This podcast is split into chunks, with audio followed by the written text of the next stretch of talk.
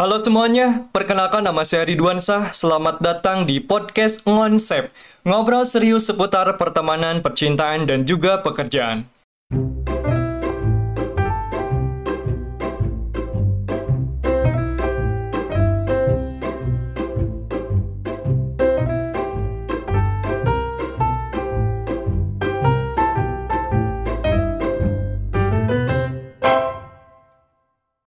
Kembali lagi bersama saya Ridwan Sah di podcast Konsep. Hari ini saya mengundang alumni SMA Negeri 2 Garut lulusan tahun 2017. Namanya Adam Salam. Ini orang keren banget sumpah. Dan di episode ini kami ngomongin soal penulisan naskah skenario film dan obrolan ini dimulai dari rasa penasaran saya terhadap orang ini secara akademis waktu SMA gimana sih? Silakan dijawab, Dam secara akademis uh, nilai saya tuh rata-rata bawah gitu. Jadi bukan rata-rata di atas tapi rata-rata di bawah. Rata-rata di bawah orang-orang lain lah gitu sebetulnya waktu SMA. Cuman paling pengalaman yang menarik pas SMA tuh uh, jadi waktu itu tuh saya nggak sengaja kepilih buat ini buat apa ya buat jadi perwakilan sekolah buat ikut FLS 2N gitu yeah. festival seni lomba apalah saya lupa yeah. buat buat uh, ngomongin film buat buat bikin film gitu nah kebetulan di situ juga ada kepala sekolah yang yang mungkin apa ya jasanya tuh bakal saya kenang ya. Di situ tuh kepala sekolahnya sangat apa ya sangat berjasa lah buat saya ya. Maksudnya dia ngomong ke orang tua saya tolong beliin kamera segala macam support segala macam nah dari situlah gitu mulai tertarik dunia film dunia film. Dari FFF 2N yang akhirnya masuk ISB di ISB juga ikutan film bikin film bikin film. Yang akhirnya sekarang juga kerja ya disebut di seputar audiovisual gitu lah Ridwan. Tapi overall masa-masa SMA terbilang masa-masa yang indah gak buat Adam? Wah indah banget sih masa SMA sebetulnya. Cuman kebanyakan aku tuh kebanyakan telat sebenarnya telat telat masuk sekolah. Jadi paling indah banget sering dihukum gitu. Oh. Enggak, enggak karena sering telat lah di mana Dugar juga kan di SMA aku Dugar dulu tuh orang-orang yang terhadap seni itu gak tahu yang kurang disupport aja sebetulnya. Maksudnya ada supportnya, cuman agak berbeda dengan dengan support terhadap orang-orang yang apa ya, yang concern di bidang uh, science gitu, di bidang pelajaran lah, di bidang akademis lah gitu. Kalau seni itu rada-rada di agak dipinggirkan dikit. Masa-masa SMA oh, emang ya. paling menarik dam. paling menarik benar. Adam Salam ini di tahun 2016 memang sudah terpilih mengikuti program FLS 2N Festival dan Kompetisi Seni Pelajar Nasional menjadi perwakilan sekolah ya Dam? Iya betul.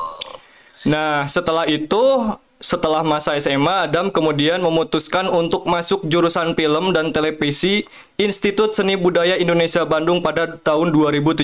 Gimana Adam suasana kampus Adam tuh?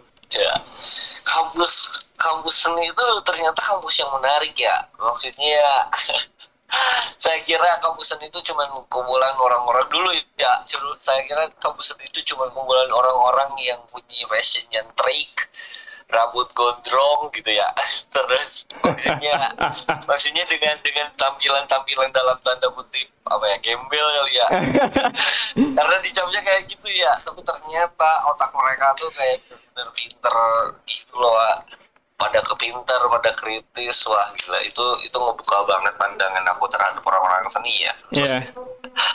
dan di situ juga wah pribadian sudut pandang maksudnya cara pikir itu tuh benar-benar di apa ya dikembangkan lah sedemikian rupa jadi kampus juga tempat yang menyen lingkungan yang menyenangkan ya kampus juga lingkungan yang menyenangkan buat buat bertumbuh gitu oke okay penghargaan terbaik sebagai sutradara terbaik, penulis naskah terbaik itu itu sama di tahun 2017 bukan sih Dam? Itu di tahun 2019. Oh, ya, tahun jadi dua tahun setelah setelah kuliah lah ya.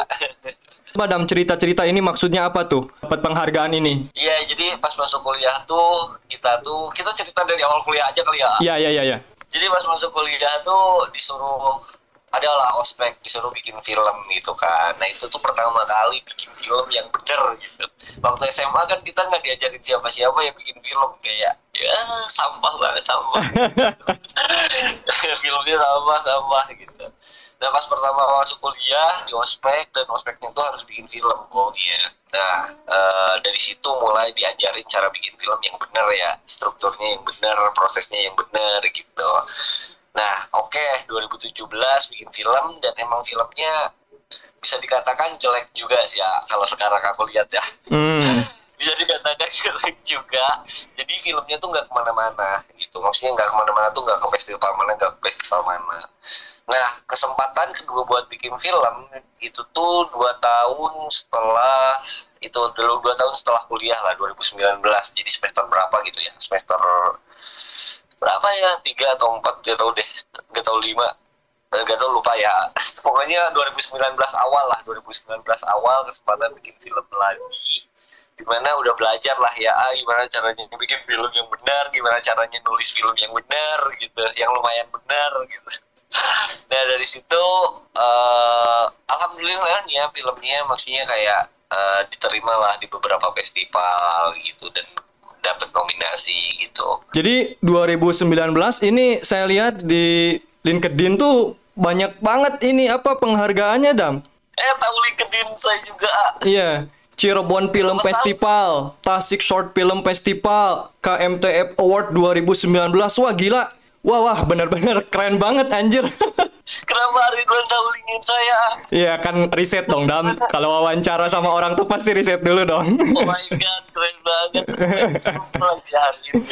Coba Dam. Tahu ulang tahun sekarang tahu linkin ya ampun. Coba Dam, ini Dam apa uh, film pertama yang Adam buat itu kan saya taunya Sono tuh apalagi Dam ada lagi gak? Nah uh, dulu tuh 2017 tuh ada filmnya yang uh, pertama dibuat semasa kuliah ya yeah. itu tuh namanya malam kedua. Cuman ya itu tadi malam kedua tuh gak ke mana-mana karena emang jelek gitu. Uh, enggak yang malam kedua emang gak dapat penghargaan sih. Oh.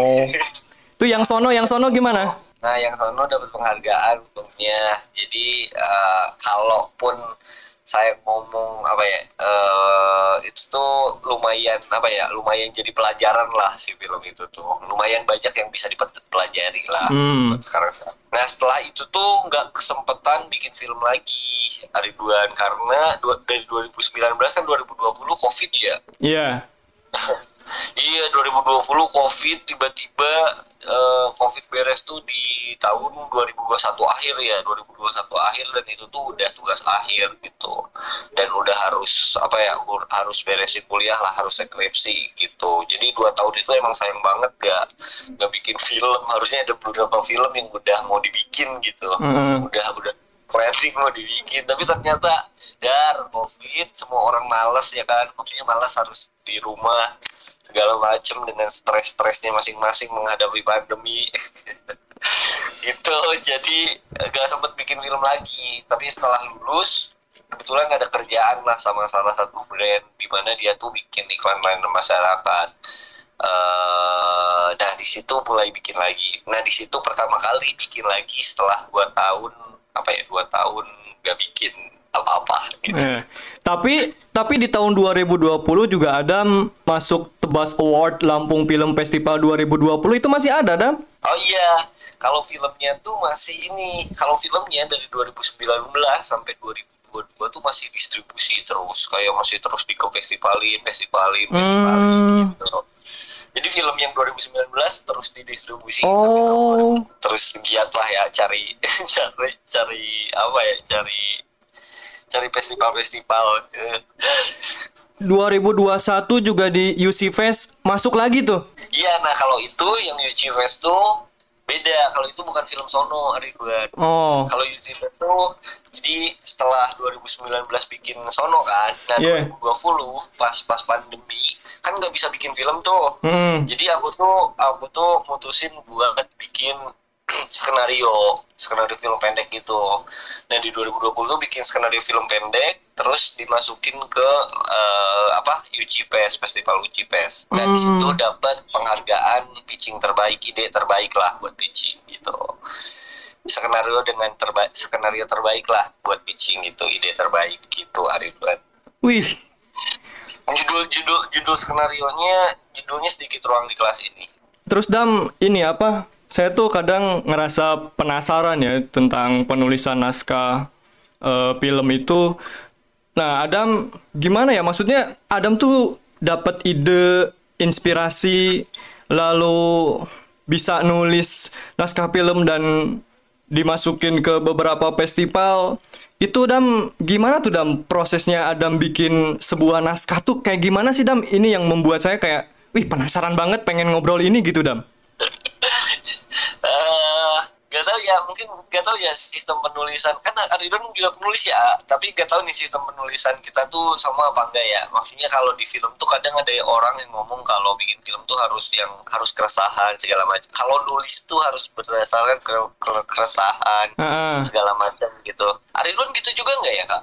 Iya sama. Nah ya? uh -uh. sama ya? Nah ka, uh, nah itu pertamanya tuh ya dari keresahan sih sebetulnya. Tapi keresahan tuh nggak selalu harus yang dekat sama maksudnya secara apa ya secara secara uh, konteksnya tuh nggak harus dekat sama kita gitu. Oke. Okay. tapi keresahannya tuh bebas aja mau apa aja gitu.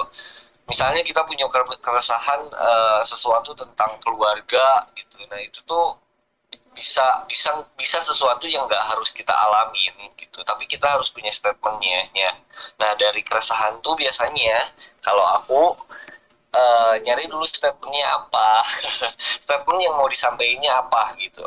Misalnya kalau aku statementnya misalnya statementnya kalau orang tua tuh harus selalu hadir buat anak. Nah dari situ bisa dikembangin tuh kayak okay. gimana ya bikinnya bikin sebuah film yang orang tuh uh, nangkep kalau orang tua tuh harus hadir untuk anak gitu tanpa harus straight to the point gitu. Yeah. kalau ngomong ya kan kalau kalau kita ngomongin bosen ya dinasehatin kayak orang tua tuh harus hadir untuk anak. Nah kan gitu kan bosen ya. Gitu yeah. maksudnya kita tuh udah dinasehatin dari kecil gitu sama orang tua.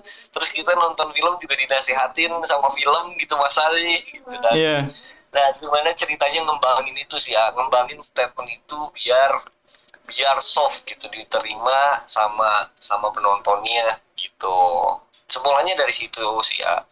Nah terus dikembangin jadi jadi apa ya jadi premis. Mungkin nggak tahu ya premis ya? Yeah. ya jadi jadi satu satu kalimat lah inti ceritanya kayak gimana. Terus di, dijadiin sinopsis terus dijadiin skenario. Tapi yang paling penting buat buat aku ya yang paling penting tuh yaitu statementnya sebenarnya. Statementnya apa dan gak harus selalu gak harus selalu apa yang pernah kita alamin. Yang belum pernah kita alamin juga nggak apa-apa sebetulnya. Yang penting kita tahu statementnya mau ke mana. Oke. Okay. kalau kalau dan kalau skenario sih kalau sudut pandang aku sih kayak gitu sih ya. Gak tahu ya kalau di penulisan lain ya. Maksudnya kayak novel atau iya iya iya. tapi hmm. tapi misal uh, soal prolognya terus dialognya lebih ke gimana tuh dam kalau naskah film itu? Soal dialog oh, gitu. iya. apakah lebih detail apakah lebih simpel atau gimana? Uh, iya. Kalau soal dia iya benar sebenarnya. Perbedaan penulisan naskah novel penulisan novel mungkin ya atau film tuh ya bedanya tuh di cara nulisnya. Nah. Di, di ya di apa ya di film tuh nggak ada prolog. Hmm. Karena ya gak ada prolog. Terus terus kalau di apa ya kalau di novel kan biasanya bahasanya tuh apa ya bahasanya tuh uh, harus ngebuat orang yang bacanya itu tuh mengimajinasikan betul. situasi yang betul. pengen disampaikan penulisnya ya. Betul. Gitu. nah uh, kalau di film tuh nggak harus. Di, tapi dia tuh harus straight point straight to the point straight to action aja langsung biasanya. Hmm. jadi kan iya iya ya, kayak gitu. Jadinya nggak harus ya maksudnya kan skripnya nggak bakal dibaca sama penonton kan. Benar. nggak bakal dibaca penonton. Jadi uh, ya udah straight to action aja gitu. Karena itu tuh dibacanya sama sutradara biasanya nah katakanlah uh, sudah nulis naskah film nih. Katakanlah saya udah nulis naskah film. Lanjut ke Adam ini kan juga dulu pernah menjadi salah satu sutradara terbaik. Betul gak? Iya nominasi betul. Nah pertanyaan saya tuh gini Dam. Itu Adam pas naskah dituangkan langsung ke film menjadi Adam sutradara gitu prosesnya gimana Adam? Adam tuh narik narik kru terus yang pegang kamera dan lain-lain itu teman-teman Adam sendiri Adam bayar atau gimana Adam? Ini yang bikin saya penasaran juga nih. Hmm, hmm. Kalau sejauh ini ketika aku bikin film ya jadi uh, ketika naskahnya ada nih terus aku interpretasiin lah ya sebagai kapasitas aku sebagai sutradara gitu kan uh, udah diinterpretasiin kan harus didialogin lagi ya sama penulisnya ya kalau yeah. ada iya. penulisnya tapi biasanya karena selama ini aku yang nulis sendiri gitu jadi nggak harus lagi didialogin lagi nggak harus dikomunikasikan nggak harus dikomunikasikan lagi sama penulisnya okay. nah habis itu Iya, karena nulisnya sendiri kan, jadi udah kebayang lah mau ngapain mau ngapain ini juga udah kebayang motivasi motivasinya juga udah kebayang, jadi nggak harus diobrolin lagi lah sama penulisnya gitu. Nah, uh, terus aku cari kru kan biasanya, kru krunya itu biasanya teman-teman sendiri sih yang emang udah kayak kenal gitu, udah kayak oh bisa nih kerja sama dia gitu. Hmm. Terus kayak mm, kalau buat bikin film biasanya kita tuh masih independen jadi mereka juga teman-teman teman-teman teman-teman di ISP juga uh, apa ya uh, mau diajak untuk berkarya gitu hmm. jadi nggak dibayar nggak apa-apa gitu okay. kalau tetap di ISP ya yeah. kecuali kalau proyeknya proyek kerjaan emang benar-benar kerjaan gitu nah baru dibayar kayak yang yang itu yang tadi aku ngerjain buat brand hmm. nah itu baru dibayar tergantung proyeknya kalau proyeknya karya biasanya mereka juga dengan semangat kayak ayo yuk bikin. Gitu untungnya ya untungnya aku diberkahi dengan lingkungan lingkungan yang seperti itu. Iya. Yeah. iya jarang banget ya diberkahi dengan lingkungan kayak gitu. Iya iya iya iya. Beruntung juga hmm. terus dam uh, Adam tuh jujur nulis naskah film itu hanya ketika ada festival saja atau kadang sesekali ada ide langsung nulis atau gimana tuh? Hmm. Uh, kalau nulis tuh biasanya langsung aja kalau ada ide, uh-uh. ada statement yang pengen disampaikan, langsung aja ditulis. Oke. Okay. Jadi nggak nunggu festival ya. Jadi ya udah nggak apa-apa nabung dulu aja gitu. Nabung-nabung dulu aja nggak apa-apa. Misalnya, misalnya ketika Adam buka Microsoft Word, yang pertama Adam tulis tuh judul atau langsung to the point aja nulis uh, pro apa namanya kata-katanya dan lain-lain gimana tuh? Nah, kalau aku biasanya judul tuh terakhir aja justru. Oke. Okay. Nah, pusing. Ternyata mikirin judul tuh sesusah itu ya. Maksudnya kan kita kita tuh mikirin judul harus yang catching juga ya. Iya. Yeah. Kayak aduh menarik nih buat dibaca. Iya. Gitu yeah. Kan. Menarik buat apa ya? Buat orang lihat ketika orang lihat judulnya jadi pengen lihat filmnya. Itu kan harus dipikirin ya sebetulnya hmm. ya jadi itu tuh agak susah buat aku sebetulnya nah biasanya kalau aku biasanya langsung nulisnya ini dulu premisnya dulu hmm. Hmm, nulis premisnya dulu kan premisnya kita tuh ada pola-polanya ya premisnya yeah. kayak gimana kayak gimana kayak gimana nah biasanya nulis itu dulu sampai benar-benar kuat gitu ya si premisnya sampai benar-benar kuat baru lanjut ke sinopsis gitu. Sinopsis udah kuat baru lanjut lagi gitu ke ke outline ke outline. Oh. jadi outline udah kuat terus kena bio judul belakangan berarti ya? Iya biasanya judul belakangan. Kalau aku sih ya kalau aku biasanya judul belakangan aja deh. Kalau enggak pakai judul-judul alternatif dulu. Iya iya iya. Iya biasa misalnya kayak kemarin pernah nulis kayak karena karena saking bingungnya sama judul hmm? judulnya apa ya ya udah pakai judul apa dulu gitu tapi tahu ini tuh judulnya pasti diganti jadi pakai alternatif judul dulu gitu hmm.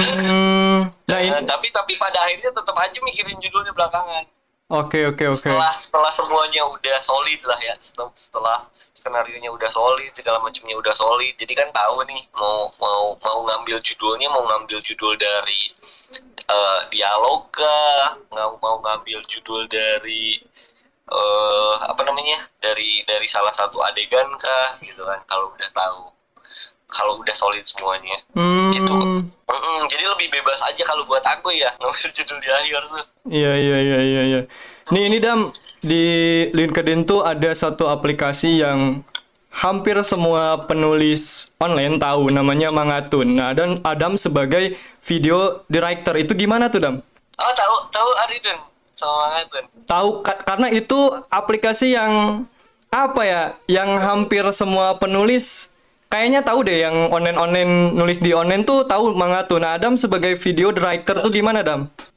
Iya, jadi jadi kapan ya? Jadi enam bulan atau tujuh bulan yang lalu lah. Jadi enam bulan atau tujuh bulan yang lalu uh, aku dapat kerjaan di, hmm. di situ buat jadi video director. Jadi kan Mangatun tuh apa ya novel.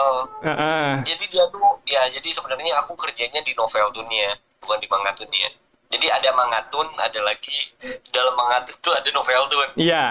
Nah, jadi orang-orang yang nulis novel biasanya diterbitinnya di situ kan. Iya. Yeah. Orang-orang yang nulis novel ada banyak yang diterbitinnya di yeah. situ gitu. Nah, terus nah mereka tuh pengen promosi lewat TikTok gitu. Mm -hmm. Jadi mereka tuh ngadaptasi satu adegan atau dua adegan buat uh, dimasukin ke TikTok. Maksudnya satu satu cerita satu apa ya satu hal satu apa ya satu judul gitu maksudnya kayak satu judul satu bab misalnya mm -hmm. atau enggak ya pokoknya satu bab novel atau gimana buat dimasukin ke TikTok buat di iniin buat apa disutingin lah biar orang hmm. orang-orang yang lihat TikToknya penasaran sama ceritanya terus uh, no, bacalah novelnya gitu jadi biar lebih ke promosi novelnya aja sih di situ tuh oh nah aku nah aku yang ngedirektorinnya di situ Ridwan Mm-hmm. Jadi aku yang uh, yang bikin videonya sama tim ya, sama tim yang lain bikin videonya gitu.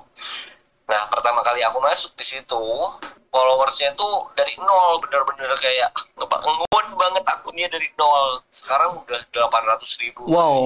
Lumayan gede ininya impactnya. Adam tuh sekarang berarti terbilang orang yang fokus di dunia ini dan dan hidup juga di dunia ini dam. Segala macem tuh. Kehidupan kayak uang dari sini terus pekerjaan pasti relevan dengan kesukaan Adam juga gitu kan? Ya. Passion Adam lah. Iya itu kalau di kalau ditanya obrolan dapur nih di di soal bayaran itu lumayan juga dam di dunia yang kayak gini. Jauh ini kan aku tuh masih apa ya masih dibilangnya junior lah ya maksudnya hmm. masih pendatang masih fresh graduate. Tapi buat fresh graduate juga sebenarnya lumayan aja lumayan lumayan banget malah. Lumayan sih lumayan banget uh, bayarannya ya kalau dari segi bayaran ya lumayan lah lumayan banget hidup hidup di Jakarta ya di mana? Ya bisa lah hidup di Jakarta. Terus di uh, sewa-sewa apartemen atau hotel sih? Waduh kali-kali lah. Buat buat healing aja buat healing oh ya. buat healing. Ya. kan penulis biasanya agak lumayan stres juga ya penulis. Hmm. tiap hari. Itu kebanyakan Adam dapat relasi dari orang lain diajak atau justru malah kayak eh, apa ngirim lamaran gitu jadi freelance? Dulu kan pernah juga jadi freelance kan? Hmm. gimana tuh dam? Apa pernah diajak atau justru kebanyakan malah ngirim lamaran kerja dan lain-lain tuh? Uh, diajak pernah. Ini ngirim ini sendiri apa email sendiri. Uh -uh. jadi biasanya saya nawar-nawarin sendiri. Hmm. itu aja jualan sendiri aja email sendiri jualan sendiri gitu jadi okay. emang harus dijemput ya, bola kan harus yeah. dijemput ya, nggak bisa ditunggu terus. Oke okay, oke okay, oke. Okay. Jadi udah jalan-jalan sendiri. Oke. Okay. Gitu. Ini pasti uh, teman-teman saya yang suka nulis bakal ngedengerin podcast ini.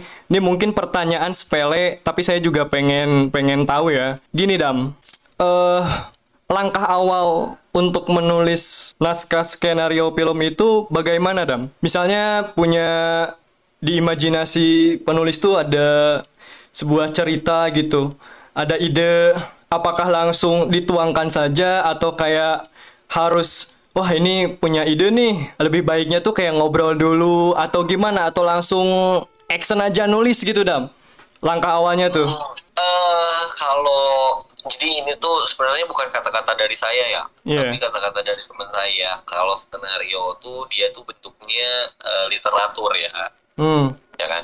Kalau kalau skenario itu bentuknya literatur terus dibangun pakai apa ya kerajinan hmm. yang menghasilkan karya seni gitu kan? Berarti kayak gitu. Nah ya otomatis karena literatur harus sering baca juga harus sering nonton film juga ya kan? Biar tahu gimana caranya nulis skenario kan? Baca-baca baca-baca apa ya? Baca-baca baca-baca tips menulis skenario atau baca-baca skenario film lain gitu ya terus nonton film film-filmnya terus baca-baca eh nonton-nonton tutorial-tutorial di YouTube ya kan? Dan nonton-nonton dulu itu kayaknya kalau dari saya ya. Hmm. nonton-nonton dulu itu kayaknya. Literaturnya dulu di, di di apa ya dicapai gitu. Maksudnya dicapai di apa ya dipelajarin gitu. Uh. literaturnya dulu dipelajarin kan. Terus kalau udah dapat literaturnya ya pasti kan maksudnya kayak polanya udah ketebak kayak gimana kayak gimana pasti bisa dibuat kerajinan itulah. Dibuat pakai kerajinan itu pakai ilmu-ilmu tadi itu ilmu-ilmu literatur tadi. Ya terus jadinya pasti jadi karya hasil karya film. Nah terus kalau dari aku sih gak tahu sih ini ini ini ini aja sih. Gak tahu ini sering ini ini hal yang sering aku omongin sih ya ke ke teman-teman yang lain yang yang di ISBI misalnya. Kalau apa ya bikin film tuh nggak harus selalu bikin ide atau bikin skenario tuh nggak harus selalu yang pernah kita alamin gitu. Yeah. Maksudnya kayak kita tuh cuma hidup 24 tahun, emang apa aja sih yang kita alamin gitu. Benar. Ya kan? Tapi yang penting punya statementnya. Kalau buat aku, kita bisa bikin skenario atau bikin film soal seseorang pergi keluar angkasa. Padahal kita belum pernah ngalamin ke keluar angkasa, tapi boleh nggak kita bikin film kayak gitu? Boleh kan? Iya. Yeah. tapi statementnya mau apa? Misalnya statementnya boleh aja misalkan ada filmnya ceritanya tentang dua orang yang pergi keluar angkasa gitu, tentang pasangan yang pergi keluar angkasa. Misalnya statement statement penulisnya atau statement sutradaranya cuma sesimpel kayak ya karena saya pengen nyampein bahwa ketika kita berdua kita eh dunia serasa milik kita berdua gitu. Misalnya hmm. kayak gitu ya.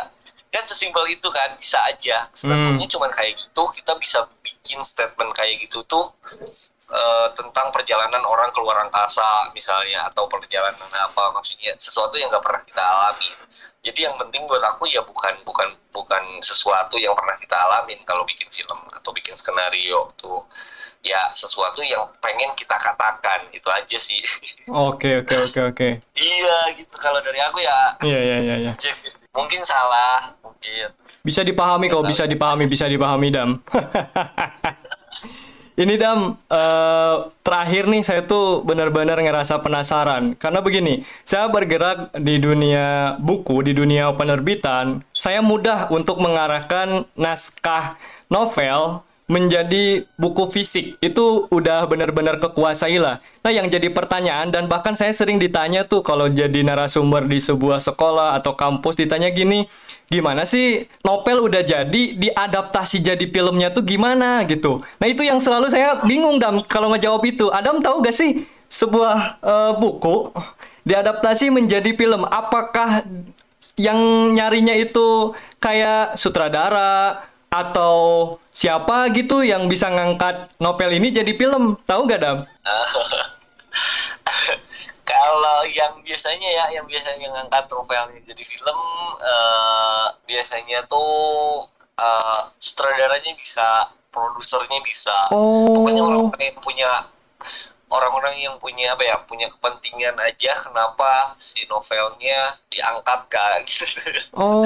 Biasanya dari itu kan. Maksudnya karena pengen karena novelnya laris kayak Dilan misalnya karena uh -uh. novelnya laris jadi akhirnya para produser-produser atau para para PH-PH di film di filman ini gitu. jadi nyari itu nyari nyari viewsnya di sana karena novelnya laris jadi ya udah angkat gitu kan ada yang yeah. juga iya itu biasanya kepentingan kepentingan ya ya orang-orang yang punya kepentingan aja biasanya cuman kalau biasanya kan yang yang sering jadi pertanyaan malah ya banyak yang ngomonginnya lebih ke kok novel sama filmnya beda gitu. nah nah dan nah itu sebenarnya yang harus dilurusin sih buat aku maksudnya novel sama film tuh kan medium yang beda ya. Yeah. Novel kan mediumnya medium buku, medium baca gitu kan.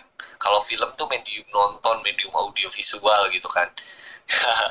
Jelas karena mediumnya udah beda, ya cara dia apa ya cara dia menulis ulang si novelnya juga harus beda gitu jadi kalau kita ketimplak ketimplak sesuai sesuai novelnya belum tentu di filmnya tuh bakal menarik biasanya gitu. Makanya uh, karena nggak tahu ya penulis novel tuh punya partner part polanya sendiri kan buat nulis novel yeah. gitu kan. Dan aku nggak tahu gimana polanya kan sebetulnya. Cuman nah, orang-orang film juga punya pola-polanya sendiri buat nulis skenario film.